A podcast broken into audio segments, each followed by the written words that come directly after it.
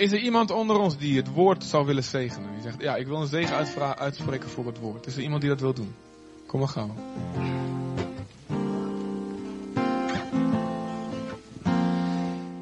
Vader God, ik wil u zo danken, Heer, dat wij het woord van u gekregen hebben, Heer. En ik wil, eh, Vader God, in de naam van Jezus Christus vragen dat Hij onze oren zal openen, ons hart open zal zetten voor het woord wat gesproken wordt. En Vader God, ik wil u zo danken, Heer, voor wie u bent. U bent een machtig God. U bent vol liefde. En dank u, Heer, dat u ons weer vult met uw liefde in ons hart. En dat het woord wat gesproken wordt, Heer, dat zegen ik zo in de naam van uw Zoon Jezus Christus. En dat het woord in ons hart zal komen. Dat wat God bepaalt voor een ieder van ons. In Jezus' naam. Amen. Amen. Amen. Dankjewel. Jullie mogen gaan zitten. Ik moet iets doen waar mijn vrouw een hekel aan heeft. Dat doe ik niet graag.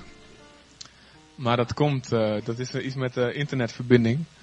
Want je weet dat ik zo'n ehm, dat ik zo'n ding heb hier, hè? En dat ik dat zo'n standaard en alles. Maar goed.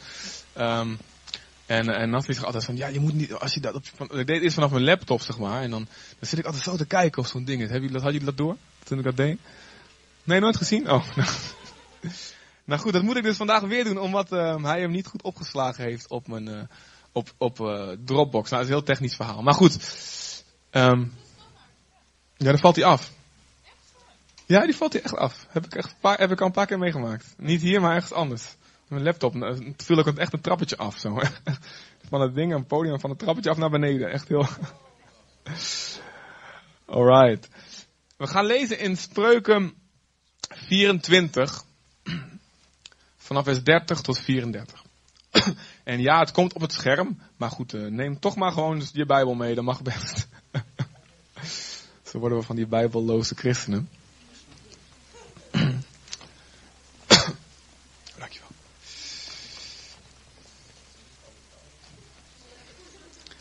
We gaan het vandaag hebben over eh, een zeer interessant type in de Bijbel. En het is de luiaard. En dan heb ik het niet over dat dier wat op de kop aan zo'n tak hangt. Ehm, maar heb ik het over jou.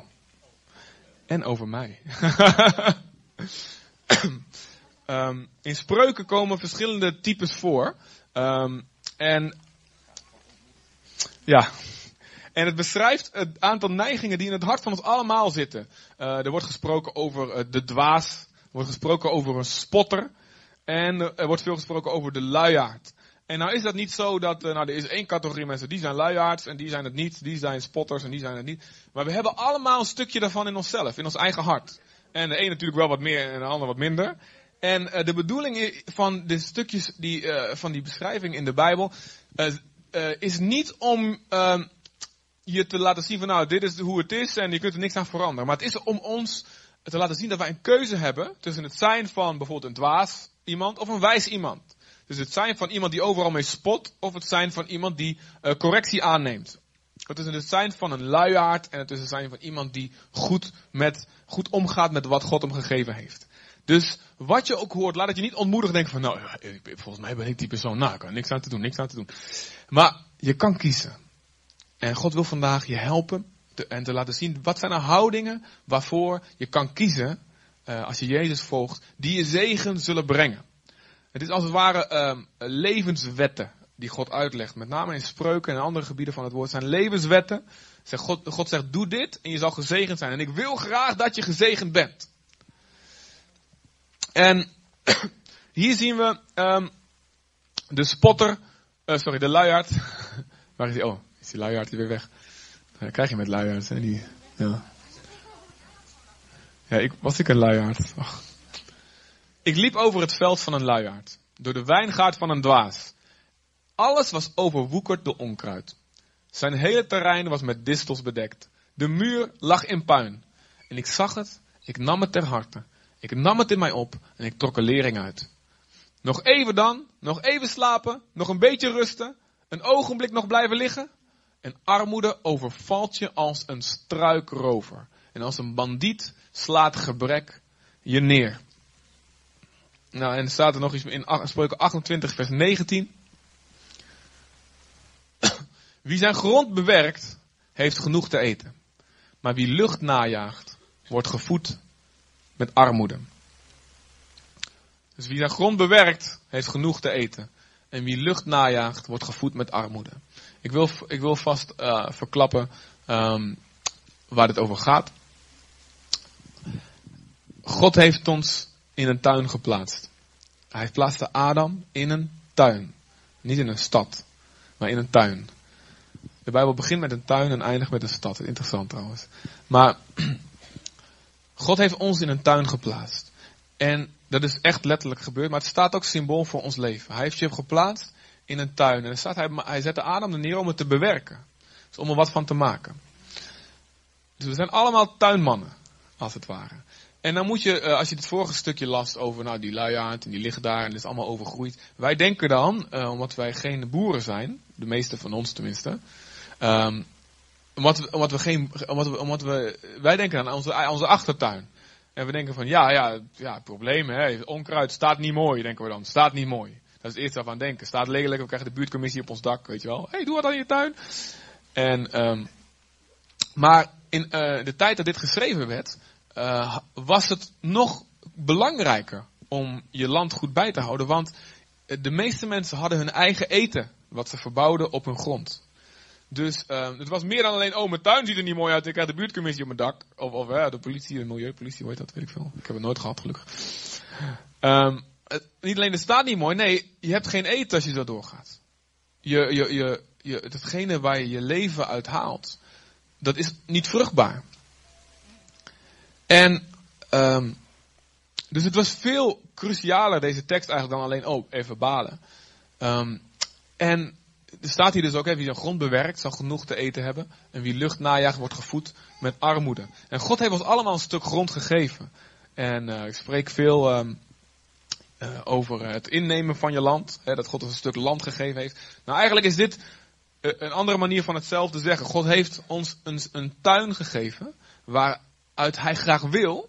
De mogelijkheid zit in dat stuk land wat hij ons gegeven heeft. Er zit een mogelijkheid voor ons om nuttige dingen uit de grond te halen waarvan we zelf kunnen eten, een zegen kunnen zijn voor anderen, een zegen kunnen zijn aan God. De Israëlieten, zij, ze aten er zelf van, ze bewaarden wat om het later weer te zaaien, ze gaven het aan de wezen, aan de weduwe en ze offerden een gedeelte aan God.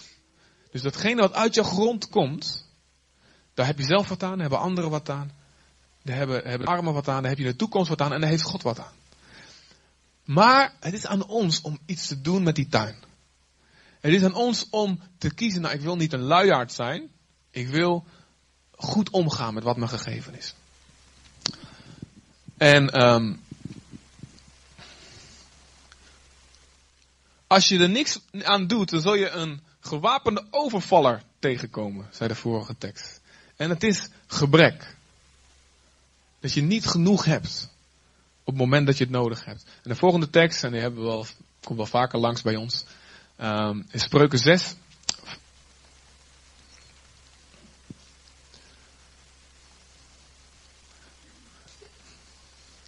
Spreuken 6 vanaf uh, vers. Uh, vanaf vers 4 tot 6. Klopt dat?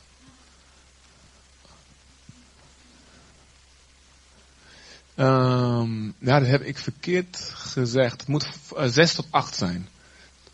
Sorry. Ga naar de mieren, luiaard, kijk hoe ze werken en word wijs.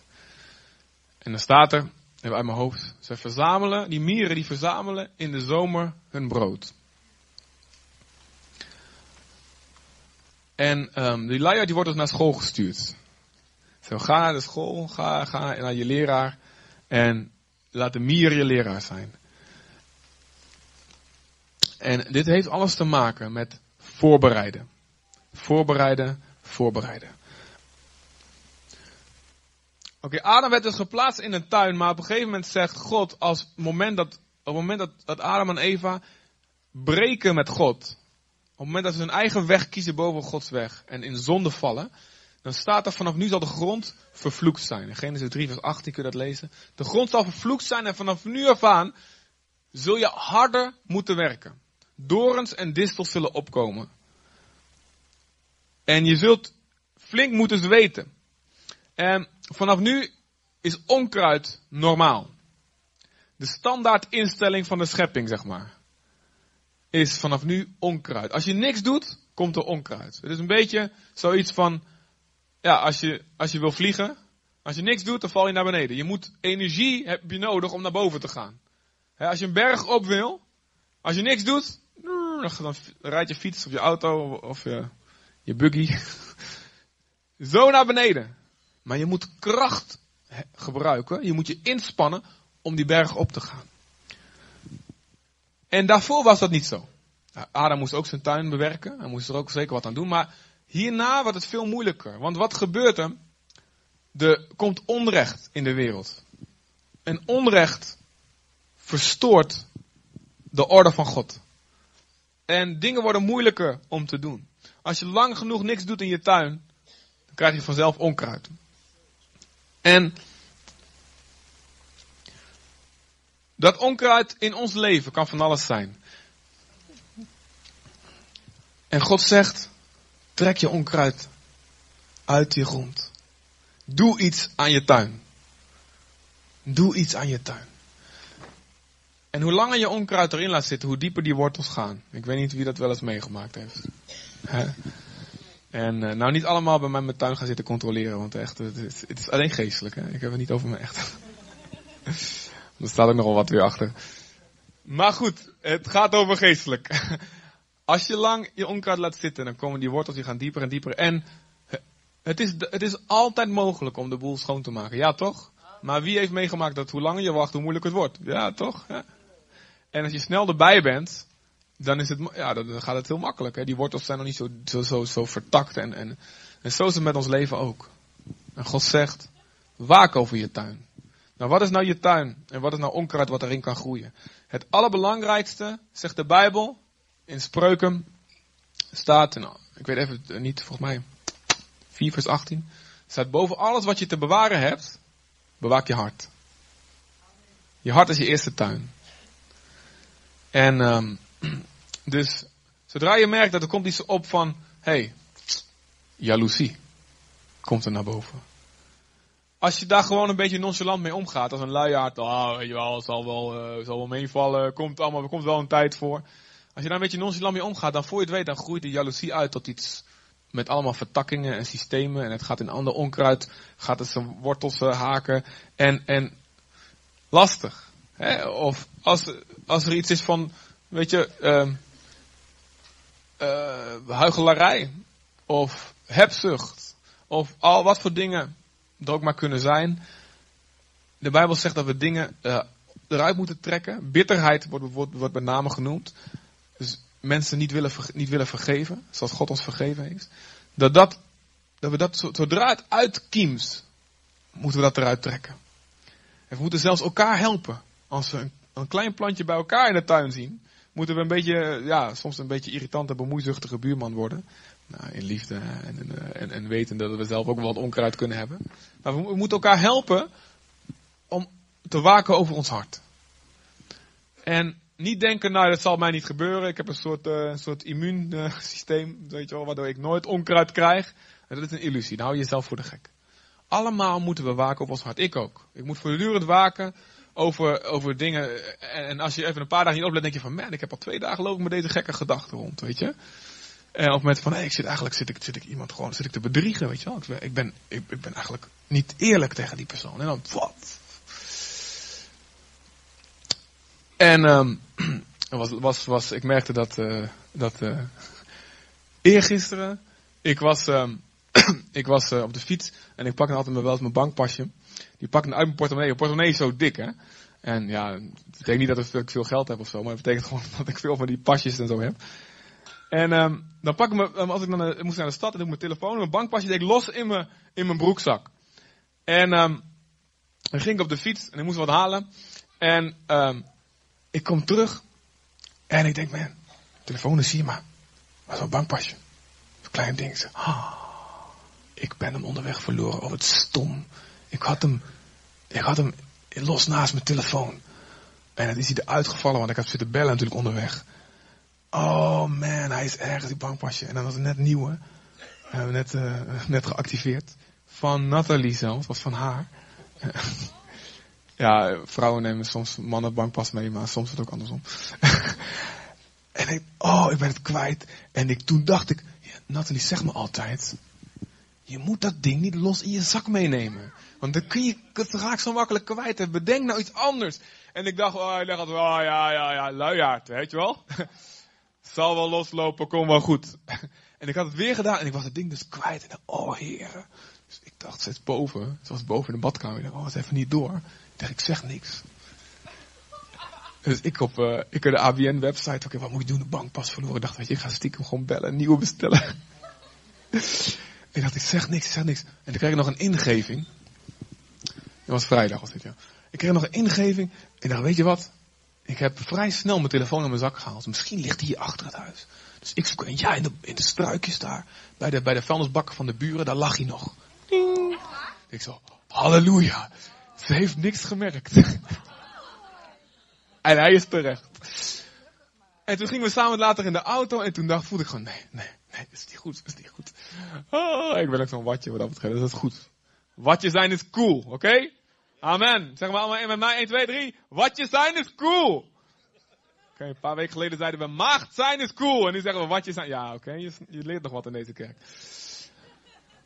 En ik zat een auto naast en ik dacht van nee, ja, ja, ze was zo lief. En ze dacht zo, oh, ik dacht zo'n schat van hem, ik kan haar niet bedriegen. Ik moet gewoon zeggen, niet dom. Ja, ze zei, Nathalie, moet je vertellen.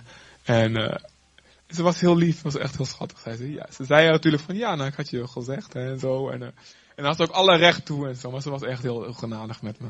Dank de Heer voor zo'n vrouw. Ik hoef niet naar de hoek van een dak. Maar ze zei, uh, ik zei, ja, je moet wel uitkijken dat je niet een sneaky persoon gaat worden. Dat je niet dingen gaat zitten, uh, zitten verbergen voor mij. Ja, dat is goed, dat zal ik doen. En, nou zeg ik niet dat je alles altijd moet vertellen aan je vrouw. Soms moet je eventjes niet gewoon. Uh, je moet niet mensen, je vrouw, je man opzadelen met al je gedachten, oké? Dat is het andere extreme. Daar hebben we ook niet altijd wat aan, laat ik het zo zeggen. Maar als je geheimen gaat hebben voor elkaar, dan wordt een probleem. En, ik, en, ik, en het was maar een klein plantje, een klein bankpasje die zo uit de grond stak. Weet je wel? Groen bankpasje, ook ABN. En ik moet waken over mijn tuin. Want voor je het weet wordt een geheim groter. Dus inderdaad, kijk allemaal even naar je man. Kijk je man of je vrouw even diep in de ogen als je naast elkaar zit. Ja, serieus? Heb je geheimen voor mij, schatje? Ik zal je niet afmaken. Niet meteen. Pas als je slaapt.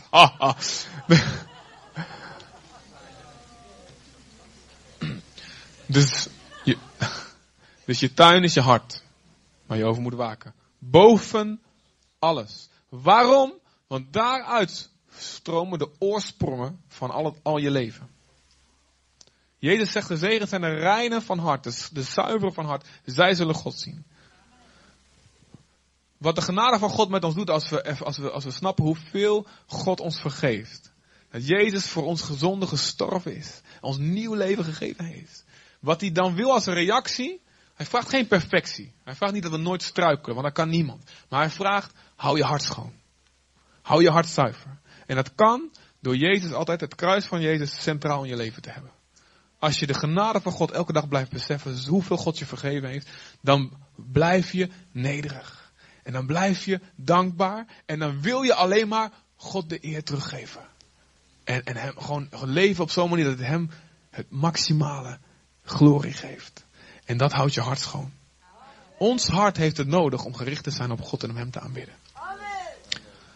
En als we dat doen, dan de oorsprongen, de bronnen die uit het leven, ons leven geven en anderen, die zullen zuiver blijven. Maar als je hart bij de bron, als er bij de bron een vervuiling zit, hè, als er bij de spaarbron in België of waar zit dan, weet je wel.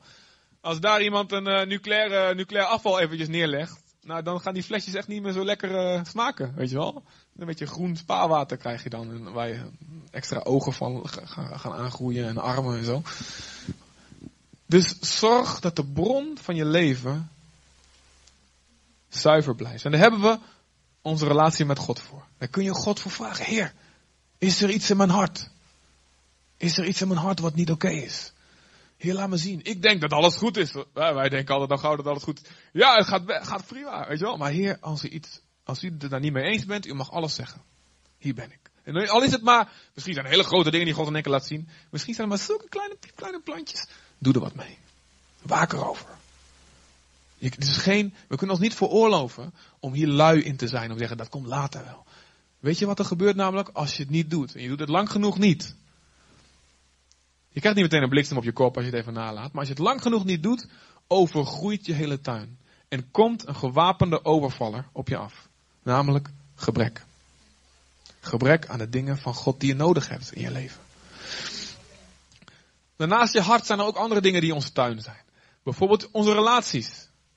Daar moet, is ook iets waar we over moeten waken. Als je lang genoeg niks aan relaties doet, dan verslappen ze, of dan hè, ze verdwijnen, of ze verzwakken. En er zijn, we, kunnen niet, we zijn relaties die belangrijk zijn. En, en, en ik denk dat we dat steeds meer opnieuw aan het ontdekken zijn, ook in het Westen.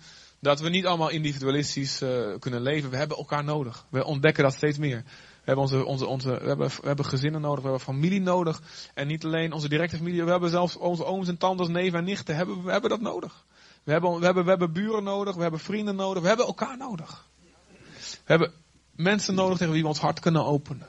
En ook dat is een tuin waar we over kunnen waken. En als je dat laten verslappen, als je niks doet, de standaard instelling van de schepping is onkruid. Wat zei je? Verval. Heel cool, heel mooi. mooi. Hetzelfde, verval, onkruid. Lang genoeg niks, daarom geloof ik ook niet in de evolutie. Hè? Want hè, als je lang genoeg wacht, dan komt er iets, zomaar iets moois. Dat denk ik dus niet. De laatste, laatste keer dat ik lang genoeg wachtte in mijn tuin, evolueerde er niks spontaan in mijn tuin. Ja, misschien wat, wat, wat in, de, in de groene afvalbak, daar evolueert soms wel eens wat. Van die maden en zo. Ik kreeg een maden met, poot, met van die grote poten. Kreeg ik. Nee. Maar ook wat onze relaties betreft. Er moet gewerkt worden. Er moet aan gewerkt worden. En, en werken is niet per se zweten, maar gewoon tijd, aandacht, belletje, sms'je, whatsappje, of wat dan ook. En, en, en dat kan in verschillende maten zijn. Met sommigen hebben intensieve contacten, anderen. Maar beide hebben we nodig, intensieve contacten, maar ook de, de casual, de alledaagse even tussendoor contacten. Ook dat, alles heeft zijn functie. Waak daarover. En ons denken moeten we overwaken. Wat voor gedachten laten we binnen in ons denken? De standaardinstelling van de schepping ook in ons denken is onkruidgedachten. Want de duivel is op dit moment de heer van deze wereld. En hij bombardeert ons via de media, via muziek, via films, via vrienden, via gebrokenheid, via wat voor situatie dan ook, via directe fluistering in je oren, stemmen in je hoofd. Voor, al, allerlei, manieren fluistert hij leugens in ons. Of hij schreeuwt ze of hij fluistert ze. En als je er lang genoeg niks in als je denkt van, als je alles maar binnenlaat, als je elke gedachte maar denkt die in je opkomt, ja, leuke gedachte, laat die eens denken, weet je wel. Als je alles aanneemt en niet kritisch bij de deur gaat zitten kijken en even een uitsmijter neerzet bij je gedachten. Die zegt, jij komt er niet in. Je moet zo'n stevige, zo'n Boris neerzetten bij je gedachten. Zeggen, deze gedachte komt er niet in. Of je zegt, nou, ik ga jou eens even onderzoeken, gedachten. Sta jij wel in het woord van God? Ben jij wel een bijbelse gedachte? Anders stuur ik jou eens eventjes naar een andere discotheek. Jij komt hier niet in. Waak over wat je denkt. Waak over wat je denkt. Ons lichaam is een tuin die we gekregen hebben van God. En we kunnen wel heel erg geestelijk doen van ja, je lichaam is maar je lichaam, het gaat om je geest, het gaat om je geest. Maar ja, als je lichaam ermee ophoudt, nou dan is het mooi afgelopen hier op aarde tenminste. Natuurlijk ga je naar de Heer en uh, hoop ik voor je. Maar um, als je als je je lichaam, als je daar lang genoeg niks aan doet, ja, dan krijg je onkruid. En dan misschien ook letterlijk in. Uh, in uh. Maar je moet er wat aan doen. Waak daarover. En onze relatie met God. Wat alles bij elkaar houdt. Is iets waar we over moeten waken. Nou, zo zijn er dus verschillende dingen die, God, die ons gegeven zijn. Wij waren slaven. Voordat Jezus kwam in ons leven. Voordat Jezus kwam in de wereld waren wij slaven. En konden we niks anders dan zondigen. We konden niks anders doen dan gewoon doen wat in ons opkwam. Doen wat ons lichaam ons ingaf. Denk, gewoon de gedachten denken die in ons binnenkwamen. We konden niks aan doen. We waren slaven van de zonde. Maar nu Jezus gekomen is, hij heeft ons bevrijd van de slavernij. Hij heeft ons vrijgemaakt. Dat betekent niet dat we niks anders meer kunnen doen dan het goede kiezen. Nee, we zijn vrij nu om te kiezen. Wat we daarvoor niet waren. Nu zijn we vrij om te kiezen. We kunnen kiezen of we Jezus volgen of niet. En als ons hart gewoon dicht bij hem blijft, nou, dan willen we dat automatisch. Dan willen we gewoon automatisch voor het goede kiezen. Maar het is belangrijk om op te blijven letten. Om heerschappij te blijven nemen over onze tuin. En om het onkruid te bestraffen. Nou, gewoon een aantal teksten van de luiaard. En um, er zijn heel wat, um, wat spreuken die daarover gaan. En uh, ik zal, ik zal ze heel snel noemen. Ik denk dat ze niet allemaal op het scherm kunnen flitsen. Dat het een beetje te snel voor gaat. Maar um, in spreuken 14 vers 23. Ik zal ze wel allemaal even noemen. Dan kun je ze uh, op internet even naluisteren en zelf opzoeken. Je kunt ook gewoon uh, bij een concordantie of bij biblia.net luiaard intypen. Dan, dan heb je hetzelfde effect. He, en dan kun, je, dan kun je de teksten op, als een opsomming zien. Wat is nou een luiaard? En hoe voorkom ik dat ik dat ben? In Spreuken 14 vers 23 staat dat elke inspanning leidt tot iets goeds. Maar loze praatjes leiden slechts tot gebrek. Dus een eerste kenmerk van een luiaard is hij praat veel, maar hij doet weinig. Dus heel, ja, op zich iemand die dus wel iets weet en weet hoe het zou moeten en kritiek misschien zelfs heeft op anderen, maar er zelf niet veel aan doen. Laten we daarvoor waken. Spreuken 26 vers 15. Een luiaard die brengt zijn hand wel naar de pot. Maar dan blijft hij dat, dan wil, dan wil hij een koekje pakken, zeg maar. En dan blijft die hand die blijft daar rusten. Nou, dat is natuurlijk een beetje grappig bedoeld, die spreuk. Maar het laat zien, een luiaard is iemand die iets begint maar en niet afmaakt. Hij, hij, de eerste beweging is goed. Maar dan vergeet hij de tweede beweging. Je denkt, ah, weet je wel, laat maar zitten. En het zit in ons allemaal. Hè? Het is echt niet iets van, als je denkt, als je jezelf herkent, denk niet dat je extra slecht bent. We hebben dat allemaal. Maar trouw is een belangrijk eigenschap van, eh, van, van, een, van een christen, denk ik.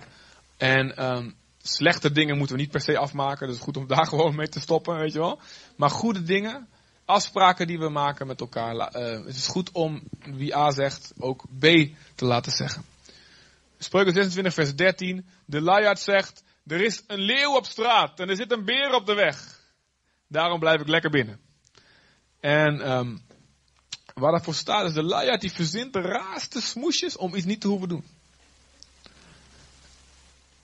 En, um, en, en die ziet problemen die er voor iemand met een andere houding niet zijn.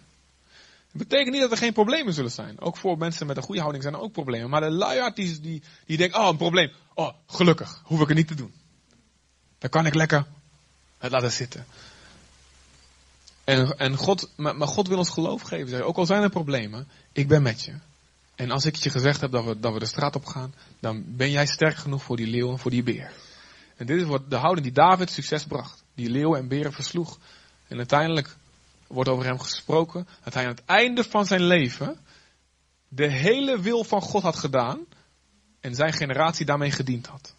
Nou, dat is een mooie uitspraak wat hem op je grafsteen kan komen staan, toch? Dat je 100%, nou, behalve in de zaak van Batseba, dat is het enige wat altijd erbij staat, maar dat hij als het ware 99% van wat God voor hem gepland had, had hij vervuld in zijn leven. Er staan in de Bijbel ook veel waarschuwingen van mensen die maar 10 of 20 of 30 of 40% van het land wat God ze gegeven heeft innemen. En de volgende generatie wordt opgezadeld met de problemen. En dat betekent niet per se dat die mensen naar de hel gaan of verloren gaan, maar dat betekent wel dat er dingen niet gebeuren die God wel had gewild dat die zouden gebeuren. Dus ook in dat opzicht is het belangrijk om de houding van een luiaard uit ons te krijgen. En dat we God vragen, hey, laat me zien, schijn dwars omheen, laat me zien waar mijn, waar mijn hart nog verkeerd is. Een luiaard, Spreuken 26 vers 16, de luiaard is, zijn, is, in wijze, is in eigen oog wijzer dan de zeven die een verstandig antwoord geven. Dus in al die, in al die, met al die verkeerde houdingen, waardoor blijft een luiaard lui? Waardoor blijft een luiaard een luiaard? Omdat hij denkt dat hij goed bezig is. Omdat hij zichzelf vertelt, ik hoef niks te veranderen. En dat is sowieso een kenmerk in spreuken wat de hele tegenkomt. Iemand die, die denkt dat alles goed met hem is. En die eigenwijs is en denkt, ik ben goed bezig. Dat is degene met de grootste probleem. Want het hele boek spreuken kun je dat blijven vinden. En iemand die altijd open staat en, en open staat voor verbeteren en veranderen, dat is iemand die wijs is. Iemand die dat durft toe te geven, ik ben er nog niet, ik heb hulp nodig, ik heb Gods woord nodig, ik heb anderen nodig, ik heb elke dag verbetering nodig. Die zal het krijgen, zegt God. Spreuken 20 vers 4. In de herfst ploegt een luiaard niet. Of, of in de winter staat een andere vertaling. En daarom zit hij daarna zit hij zonder. Heeft hij gebrek. Dus een gebrek aan denken aan de toekomst. Een korte termijn denken. Denken aan nu. Eigenlijk wat Esau deed. Ik wil nu kopje soep. Ik wil, ik heb honger. En uh, nu kopje soep. Ja, hij, was ook harig en zo, weet je wel. Dus ik denk altijd aan zo'n type bij Esau. Ja, jullie niet? Dan ben ik de enige die zo... ik zie altijd voor me dat Esau ziet zo'n harige man zo... Uh, soep, soep. En hij verkocht zijn eerstgeboorterecht, iets eeuwigs, verkocht hij voor iets tijdelijks. Voor nu, nu wil ik dit hebben, nu. En dan kunnen we lachen om, om die harige Esau, maar we doen we vaak zelf net zo hard. We verkopen het eeuwige om nu iets tijdelijks even snel een behoeftebevrediging te krijgen. Ik hoef niet op details in te gaan, eh, weet je wel, want we denken dat we allemaal weten wat voor, wat voor situatie we zelf soms in kunnen komen. En verkoop het eeuwige niet voor het tijdelijke. En dat is, ja, daar heb je geloof voor nodig. Want als je niet gelooft dat, dat er een God is die beloont, als je niet gelooft dat er een opstanding is na dit leven, dat als je je ogen straks sluit, dat je echt weer wakker wordt bij een bazuin. Het is echt waar. Dat is namelijk echt waar. Dat gaat echt gebeuren. Het eerste wat ik doe dan van, ik ben weer jong, ik ben weer jong. Yes. Maar, als je denkt alleen aan nu het korte termijn, dat is het kenmerk van een luiaard, van iemand die onkruid zal krijgen in zijn tuin. Voorbereiden. Als je dat niet doet, de luiaard die zal, krijgt een moeilijke tijd en dan heeft hij hulp van anderen nodig. Die zich wel voorbereid hebben. En als die anderen genadig zijn, en dat hoop ik, hè, dan zal hij die hulp zeker wel krijgen. Maar uiteindelijk is het belangrijk om na te denken, niet alleen aan nu, maar aan de, aan de eeuwigheid. En aan, de, aan, aan, onze kinderen en aan de rest van ons leven. Leef je leven niet, niet, in een tempo van een, niet van een sprint, maar van een marathon. Spreuken 15, vers 19. Um, die, staat, die staat hier niet goed opgeschreven, dus die moet ik even erbij uh, bladeren. Hij staat er al. Heb je echt al die tekst? Oh, geweldig. Spreuken 15, vers 19. Het pad van een luiaard is vol dorens. En de weg van de oprechten, maar de weg van de oprechten is geëffend. Je ziet in spreuken veel, je ziet veel tegen, ze werken veel met tegenstellingen.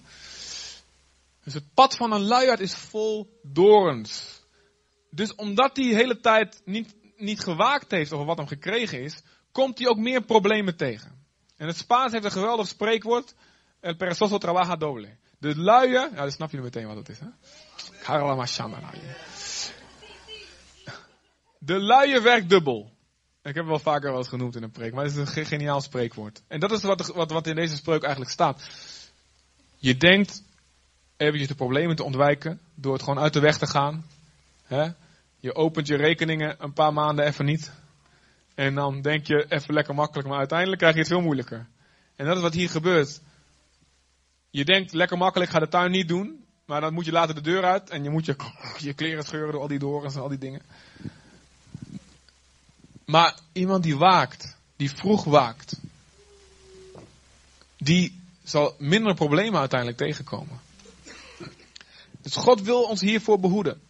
Oké, okay, uh, spreuken 12 vers 24. Daar staat, een vlijtig mens verwerft gezag, maar luiheid leidt tot slavernij. Wat er gebeurt als je lang genoeg niet waakt over wat God je gegeven heeft, dan verval je in een situatie waarin je geen controle meer hebt over je eigen leven. En dat je anderen nodig hebt.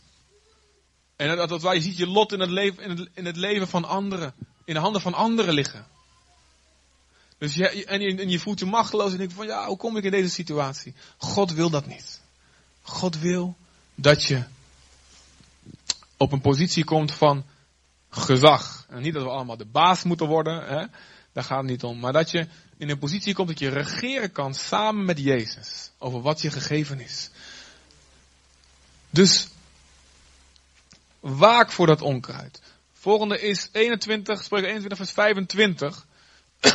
Want wat gebeurt er als die persoon, als je lang genoeg je onkruid laat groeien en je hebt geen eten, dan kom je in een positie dat je moet gaan zondigen. De verlangens van een luiaard leiden tot zijn dood.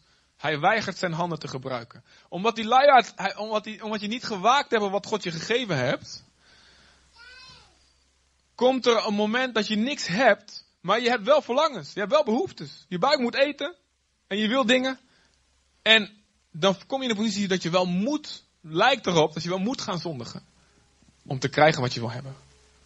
Dus dit is wat er uiteindelijk gebeurt. Op zich, het, het, het, met, op zich het, het, luiaard zijn is niet direct een zonde, maar het leidt onherroepelijk tot zonde. Omdat je uiteindelijk niet hebt wat God wil dat je hebt. Wat God wel wil, wil dat je had gehad.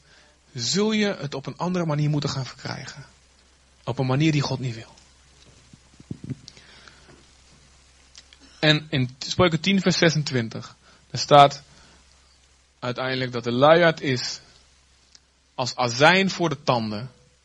heel zuur. En als rook voor de ogen. Zoals een luiaard voor zijn meester. En onze meester is God. En God wil dat we een hart hebben wat waakt. Wat waakt.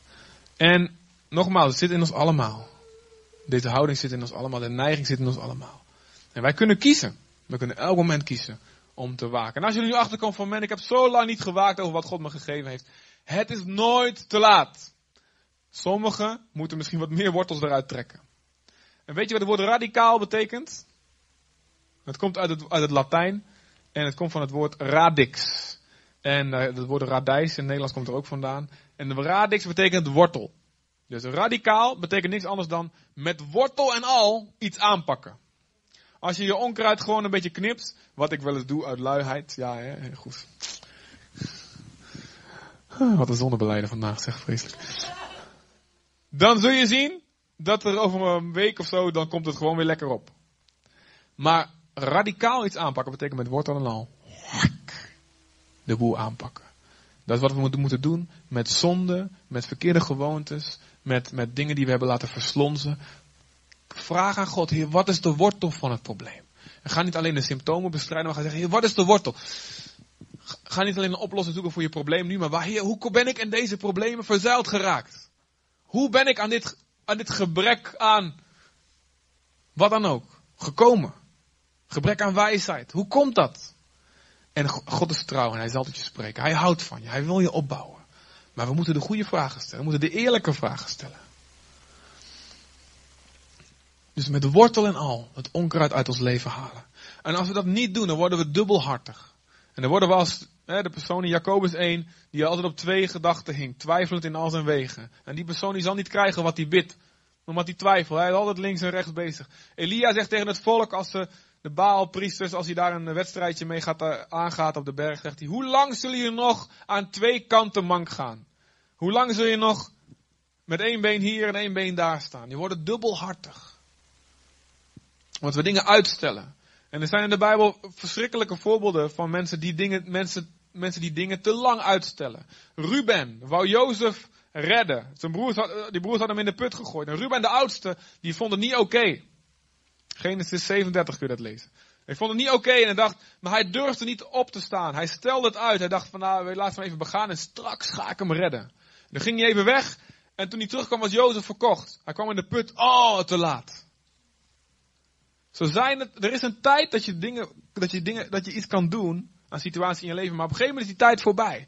En als we voortdurend de goede beslissingen, het waken over ons hart en het waken over onze relaties en onze, onze, onze de goede dingen, als we dat voortdurend uitstellen, komt er een moment dat je in de put komt en hé, hey, mijn, mijn, mijn, mijn gelegenheid is voorbij. Koning Zedekia, in Jeremia, hoofdstukken 37 en 38. Lees het hele, als je, als je, als je, als je, je huiswerk wil doen, lees het hele hoofdstukken. Koning Zedekia had een tijd om te luisteren naar de profeet Jeremia. Jeremia die zei, je moet overlopen naar de Babyloniërs. Want ze zijn te sterk en het, jullie zijn, het volk is nu te ver gegaan. Ik ga het volk niet meer redden, zegt God. Als je je leven wil redden en als je wil dat het goed afloopt, als je het beste deze situatie moet halen, moet je het nu overlopen en jezelf overgeven. En hij liet Jeremia halen en hij luisterde naar het woord, deed er niks mee. Liet hem weer halen, deed er niks mee. Liet hem weer halen, deed er niks mee.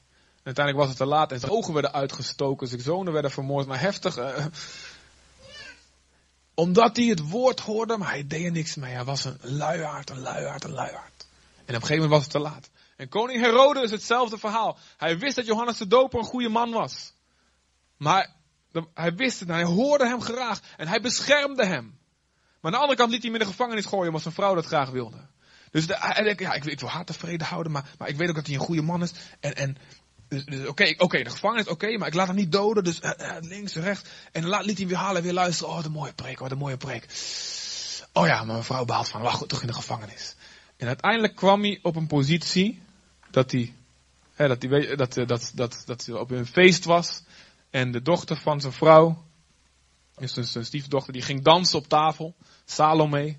En die ging dansen in het hele feest. En hij vond het zo geweldig. En hij zei, en er waren allemaal belangrijke mensen. Waren hij zei, vraag maar wat je wil, al is het mijn hele koninkrijk, ik geef je alles. En toen zei die dochter, na wat fluisteringen van, van haar moeder, geef me het hoofd van Johannes de Doper op een schotel als toetje. En toen was hij in een positie. Het was de laatste kans voor hem om radicaal te zijn en niet dubbelhartig. Maar als hij, hij was zo, in, in zo'n positie gekomen dat als hij nu nog zou kiezen voor wat hij eigenlijk wist wat goed was, zou het hem zijn hele koningschap kosten. Want iedereen had gehoord dat hij een belofte gemaakt had. En hij zou alle respect verliezen. En toen heeft hij uiteindelijk gekozen, oké, hoofd eraf van Johannes. En daarna was het voorbij met hem. Dus er is een tijd dat we iets kunnen, kunnen doen met ons onkruid. En God is hier. God wil je helpen. Als het onkruid is van zonde, dan is het serieus geen tijd te verspillen om actie te ondernemen. Om God gewoon aan te roepen, Heer help me. Om met wortel en al deze boel eruit te trekken. Maar misschien is het op gebied van de relaties, op het gebied van je huwelijk heb je het laten verslonsen. Man en vrouw, spreek veel met elkaar. Ga niet denken, het zit wel goed, het zit wel goed. Praat veel met elkaar. Zaai. En, en je zult een goede oogst krijgen. Maar laat het verslonsen en er zal onkruid opkomen. Je, die relatie naar je kinderen toe. En naar vrienden. Naar mensen die belangrijk zijn voor je zaai daarin. Waak over je relatie met God. Verslap er niet in. De Bijbel roept ons op te waken over ons gebedsleven. Waakzaam te zijn. Over hoe we, over dat we blijven praten met God. De Bijbel zegt, lees het woord, overdenk het dag en nacht. Dan zul je voorspoedig zijn in alles wat je doet. Verslap daar niet in. Denk niet, nou, ik heb de Bijbel een keer doorgelezen. Nou, is wel goed. Ik ken alles al. Oh ja, dat ken ik al. Ja, Jezus over het meer. Ja, ik ken ik al. Nee, weet je, elke keer als je het leest, krijg je nieuwe dingen eruit. Dus laat God een diepere laag zien of iets nieuws. Ga daarmee door. Luister. Hou die honger vast. En over al die gebieden waar God wil dat we waken. Wees waakzaam. Ik wil je vragen om gewoon eventjes tijd met God te nemen. Um, jullie kunnen komen, de muziek. En je ogen te sluiten, gewoon puur om praktische redenen. Om even niet af te geleid te worden door al die knappe, stralende mensen om je heen.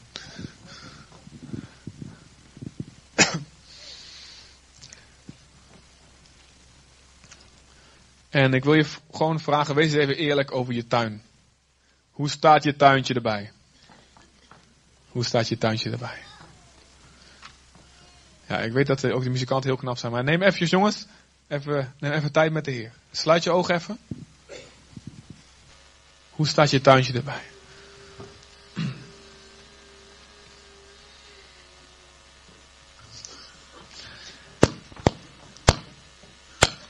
Hoe staat je leven erbij?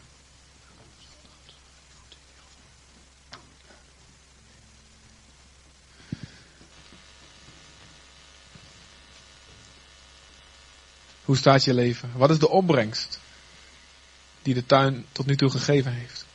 In Hooglied 4 vers 10 staat dat wij zijn als bruid van Jezus. Wij zijn de tuin van God. Jouw leven is een tuin. En God is ons ook aan het bewerken. Het is nooit te laat. Maar als je, als je merkt van hé, hey, ik heb best wel wat slechte opbrengst gehad in mijn leven. Misschien is het even goed om te vragen aan God, God, laat me de wortel van mijn probleem zien. Dat ik niet gewoon even de boel afknip en dat het over een maand weer gegroeid is. Maar wat is de wortel, God? Waar ligt het in? Misschien laat God je iets zien. een behoefte van je die je hebt proberen te vervullen zonder God. Je voelt je afgewezen, je voelt je alleen, je voelt je waardeloos. En je probeert het te vervullen met, met andere mensen, met verslavingen, met indruk maken op mensen, met geld, met manieren waarop je je zeker en veilig voelt, maar God zit er niet in. God zegt, vertrouw mij dat ik genoeg ben voor jou. En laat er een nieuwe wortel schieten. Ook het woord van God heeft nodig om wortel te schieten. De goede planten in je leven hebben nodig om wortel te schieten. Marcus 4, de gelijkenis van de saaier, staat. Als je wilt dat het woord wortel schiet, als het woord vruchtbaar is, moet het diepe grond hebben. Moet niet te snel opkomen. Nou, dat mag best, maar als de wortels maar diep zijn. Anders dan komt er verdrukking, vervolging, dan komen moeilijkheden en dan geef je het op. Moet je wortels niet diep in het woord zijn, diep in God zijn. En God wil dat jij vrucht draagt. God wil dat je aan het einde van je leven en de eeuwigheid kan zeggen, yes, dank u Heer. Door uw genade, door uw liefde, door uw hulp, heeft u een goede opbrengst gekregen. En als God zo spreekt tot een ieder van ons, geloof dat hij dat doet. Begin maar te reageren en praat gewoon met hem. Ik denk dat dat altijd de beste, beste, beste oproep is. Ten eerste. Dat we gewoon allemaal beginnen te praten voor onszelf met God. Reageren op wat je gehoord hebt. Reageren op wat de Heilige Geest spreekt in je hart. Heer.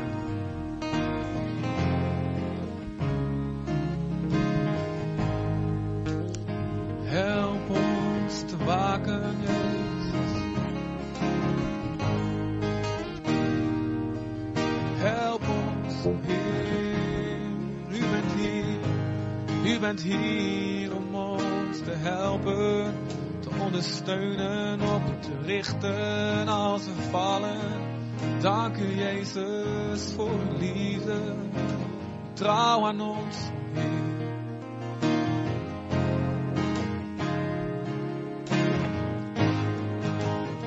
Misschien laat God je wat dingen zien en je weet niet meteen de oplossing en dat hoeft ook niet. Hoeft ook. Je hoeft niet meteen met God. God zegt niet, je moet zelf de oplossing uitzoeken en dan pas mag je bij je komen. Kom bij God. Dan, door bij Hem te zijn, komt de oplossing. Komt de wijsheid. De eerste stap is naar Hem gaan. Wacht niet tot je de boer op een rijtje kan zetten voordat je naar Hem gaat. Ga eerst naar Hem en dan komen de dingen in het juiste licht te staan. Dus zeg dan gewoon tegen hem, als je merkt van ja, ik moet, ik moet echt flink weer gaan waken, flink wat onkruid gaan wieden. Zeg gewoon, God, hier ben ik. Zullen we samen zeggen, God, hier ben ik. Ik kom bij u.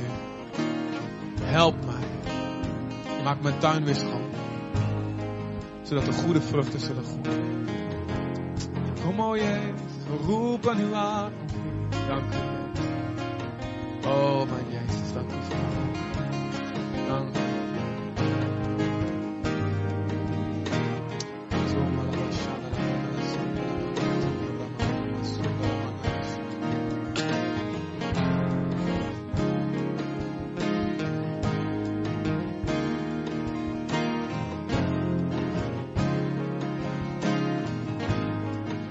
noem dingen bij naam. Als je denkt van, hé, hey, dit is.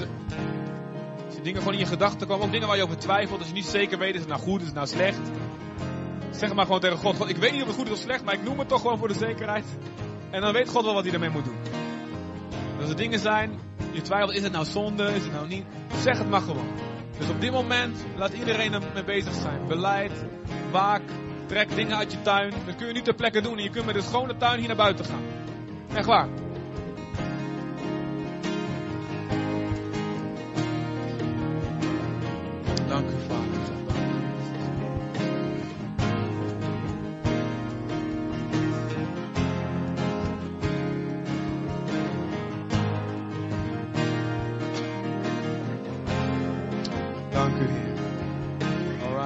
Ten slotte. Ten slotte. Dit is voor de mensen die eigenlijk als ze naar hun leven kijken, als ze eerlijk zijn, kunnen ze zeggen, nou eigenlijk gaat het best goed met mijn tuin. Ik heb best wel veel opgeruimd. Een herinnering. Iets waar ik mezelf heel vaak aan herinner. Het, als je, je een goede opbrengst hebt uit je tuin, vergeet nooit dat dit alleen de genade van God is en niet je eigen verdienst.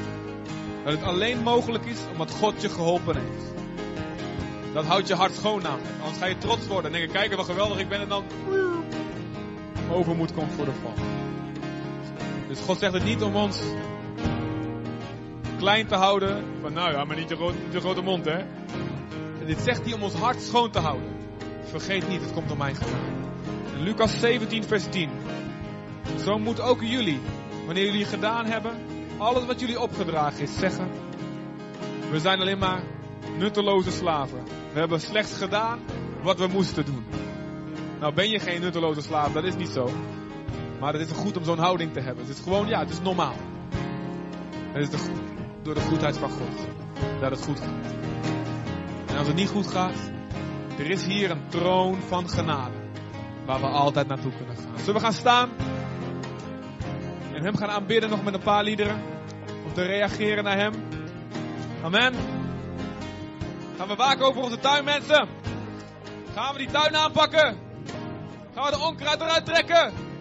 Gaan we die wortels laten zitten? Ja of nee? Right.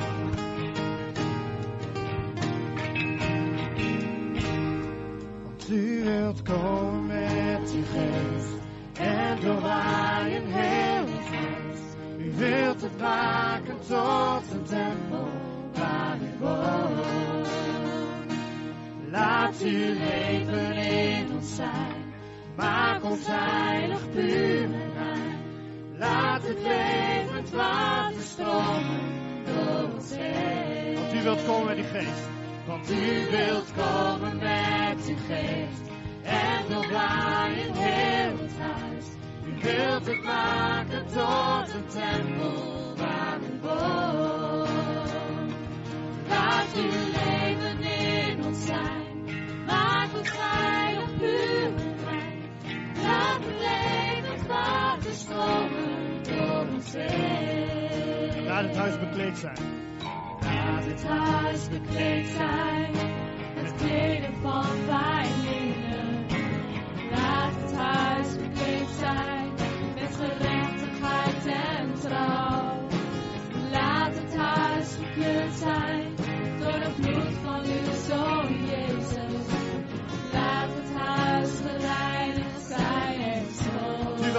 uw geest.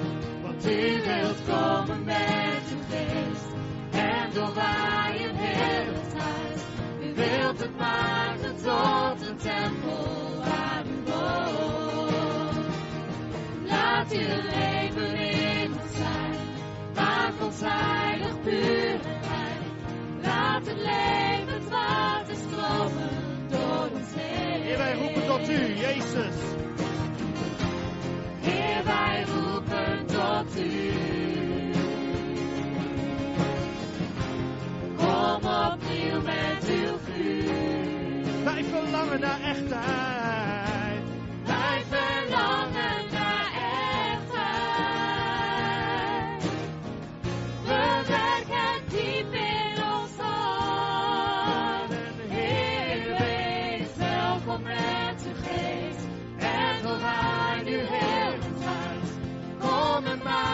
of the temple